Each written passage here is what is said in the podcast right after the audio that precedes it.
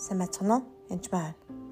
Тэгэхээр тос тослогооны тухай ярихад бол тосны талаар ч гэсэн бас дурдах хэрэгтэй болов гэж бодож байна. Тэгэхээр тослогоо бол зөвхөн пастор, сайн мэдээ түгээгч, багш, профет биш үзүүлэгч, апостол гэх мэт олон хүмүүст орж ирдэг. Ер нь бол хуучин гэрэн дээр бол одоо хаан прист буюу тахилж аа тэгээд хичээлзүүлэгч нарыг бурхан тосолдог буюу тослогоо орж ирдэг байсан. Харин итгэгч нар дээр бол одоо бурхантай хамт яваад үйлчлэл нэгдээд тос тослогоо бол маш олон юм дээр тослогоо орж ирдэг байгаа. Замын тослогоо хүртэл байдаг. Аа тэгэхээр олон төрлийн тослогоонууд бол байдаг. Бүр сайн мэдээний тэнс гадна аа магтан дууны гээл тэгэл ер нь олон тослогоонууд гэдэг тухайн зүйлийг тухайн хүн тухайн үйлчлэл дээрээ тослогоо авах үед илүү хараар зүйлээ ингэдэг бөгөөд энэ тийм хатуу байдгүй гэж хэлэх юм уу да. А гэтээ тостой холбоотой ихтэй хэдийн шлиг та бүхэнд хэлж өгье. Тэгэхээр тослогоо хүний тосолж юм албан тушаал томилхоос өмнө бас эзэн үнэхээр тосоор тосолдог байсан баа. Тэгээд зөвхөн одоо итгэл чөлөөлт хийдэг өдөр ч гэсэн тос туслахаар сэрэг болдог. Жишээлбэл Яков 5:14 дээр та нарын донд хин нэг өвчтөө байна уу? Тэр нь чуулганы халагчийг дуудаг. Тэгэхдээ эзний нэрээр түүнийг тосоор тосч түүний төлөө залбирах гэж. Энэ үед бас итгэл явагддаг гэж байгаа. Тэгээд бас эд зүйлсээр тос тослох бас байдаг.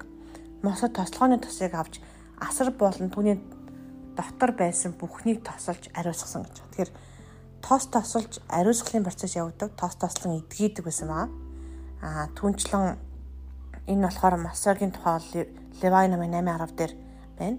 Нэгдүгээр Самуэлийн 16-гийн 13 дээр хааны ч юм урчилж хүнийг тослохдоо тэгэхэд Самуэль тос дүргсэн иврээ авч ах нарын дунд түүнийг тогслов. Тэр өдрөөс эхлэн эзний сүнс Давидын дээр буу Самуэль босож Рама руу явлаа гэж. Энэ 1-р Самуэлийн 16-гийн 13. Тэгээ энэ бүхнийг харах юм бол бас их тос тослон тухайн зүйлийг ариусгадаг хамгаалдагаас гадна тоон зүйлийг тухайн хүн дээр тос асгаж ариун сүнс буух тос тослогоотой хамт болдог байгаа. Тэгэхээр яг тухайн тосондоо байна уу эсвэл үйлдэлтэй байна уу эзэн түүний зөвшөөр суусаар тосолж байгаа нь гэдгийг сайн анзаарах хэрэгтэй. Зүгээр за би тосолж байгаа нэг гэл тос тосгаад байх юм бол юм болдгоо яг эзний ариун сүнстэй хамт зөвшөөрлөр хийх юм бол энэ бүхэн бас болдог байгаа. Тэгэхээр тос хэрв та одоо Кристийн одоо эд зүйл хэрэгж итгэж нарт бас эд зүйлүүдийг хэрэглэх тийм боломжууд байдаг. Ус, тос, галч гэх юм уу. А тэгэхээр зарим хүмүүс боддог л та өө эн чин одоо юу гэдгийг буддаа ч юм уу янз бүрийн өөр ламбуутай адилхан байх ч юм уу тэгэж бодуузаа.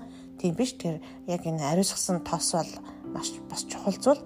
Тэгэхээр тосолгоо ярихаас өмнө би таанд тос түрхэх энэ үйл явцыг ярьж байна. Тэгэхээр эд зүйлсийг ариусгах гэж байна тийм үү. Тэгэхээр заримдаа шаардлагатай үед гэрээ цэвэрлээд хаалга цонхуудаа тосолж бас болно. Эсийн нэрээр өрөөгөө залбираад аа тэр ариусгахын процесс байгаа энэ болохоор аа түүнчлэн бас өвчтөө ч юм уу итгэл чөлөөлтөй үе би тос тослогоос нэлээ хэрэгэлдэг байгаа заримдаа яг бурхан хэлсэн үед үнэхээр чөлөөтөх болохгүй тос тосгох үед асардаг. Аа түүнчлэн тухайн хүнд anointing буюу янз бүрийн тийм бэлэг авяас өгдөг ч юм уу тослох үед бас орж ирдэг байгаа. Жишээлбэл Давидээр хариун сүнс оржсэн байна. Тослосоос хойш хаанаар тосолж байгаа нэг Давидыг те Самуэль хаанаар тослоод ир гэж явуулж байгаа.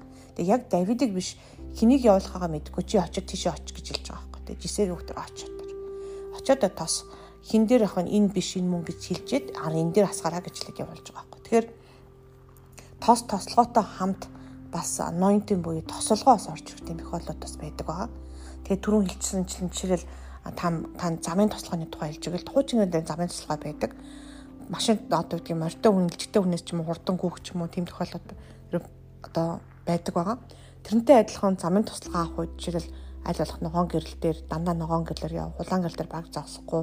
Тэрэс нь богино цаг хугацаанд явдаг байгаа. Яг үндэ яаж гэдгийг би мэдэхгүй. А илүү хурдан дахиад юм уу хурд төрлөөд энэ бол гэсэн үг биш. Илүү тийм амар амгалан тайван тийм явдаг байгаа. Жишээлхэд а түүнчлэн өөрөөр ажлын тослогоонуудаас орж ирдэг тослогоо бас нэмэгдэн гэж байдаг байгаа. Нэгсэндээ тухайн үйлдэл төр үйлчлэл төр тослогоо авчаад дахиад үйлчлээд байх тусам тослогоо бас нэмэгддэг байгаа. Жишээлбэл одоо хичээл заах үед зөвхөн хичээл зааж явах үед ч юм уу эсвэл тухайн нэг хөгжмийг дарахад ариун сүсээр дарах өөр тослогоотой хөгжим бол байнгын тэр нөгөө дэшээ дошоо болохгүй тухайн хүний ая үргэлж тийм хит болох юм үргэлж одоо яг таны зүрхэнд хүрдэг ч юм уу яг хичээл заахад тухайн хүний үг зүрхэнд хүрж чөлөөлөгдөх ч юм уу тэр бүхэн бас нэмэгдэх тийм боломжтой байдаг. Тэгэхээр ихэнх хүмүүс болохоор нөгөө тоос тослогоог зөвхөн сонгогдсон нэг онцгой хүмүүсийн хуучин гэрээтэй хараад энэ хүмүүс л авдсан байх би бол авахгүй юм ч юм уу гэж бодоозаа яг үнэндээ бол тийм биш би дараачийн подкастуудаар яг одоо бүх итгэгчнэрт ямар одоо тослогоонууд байдгийг үнэхээр Иесустэй байх үед энэ бүх тослогоо байдаг гэдгийг бас танд бас үнэхээр анхааруулж хэлье гэж бодож байна. Тэгээд энэ бол үнэхээр сайхан зүйл яг үндэ нэгсэндээ эзэн тоцгцсон хүмүүсээ авардаг, хамгаалдаг байгаа. А түнчлэн онцлол 2 дугаар конт нэг оронтой ер дотор биднийг та нартай хамт баттгаж тосолсон бурхан мөн гэж байгаа байхгүй. Тэгэхээр бид Христ дотор байх үед бас яг эзэнтэй хамт дотор нэг тослогдсон байдаг байгаа. Тийм болохоор энийг ойлгох явдал маш чухал байгаа. Тэгээд танд амжилт хүсье. Баярлалаа.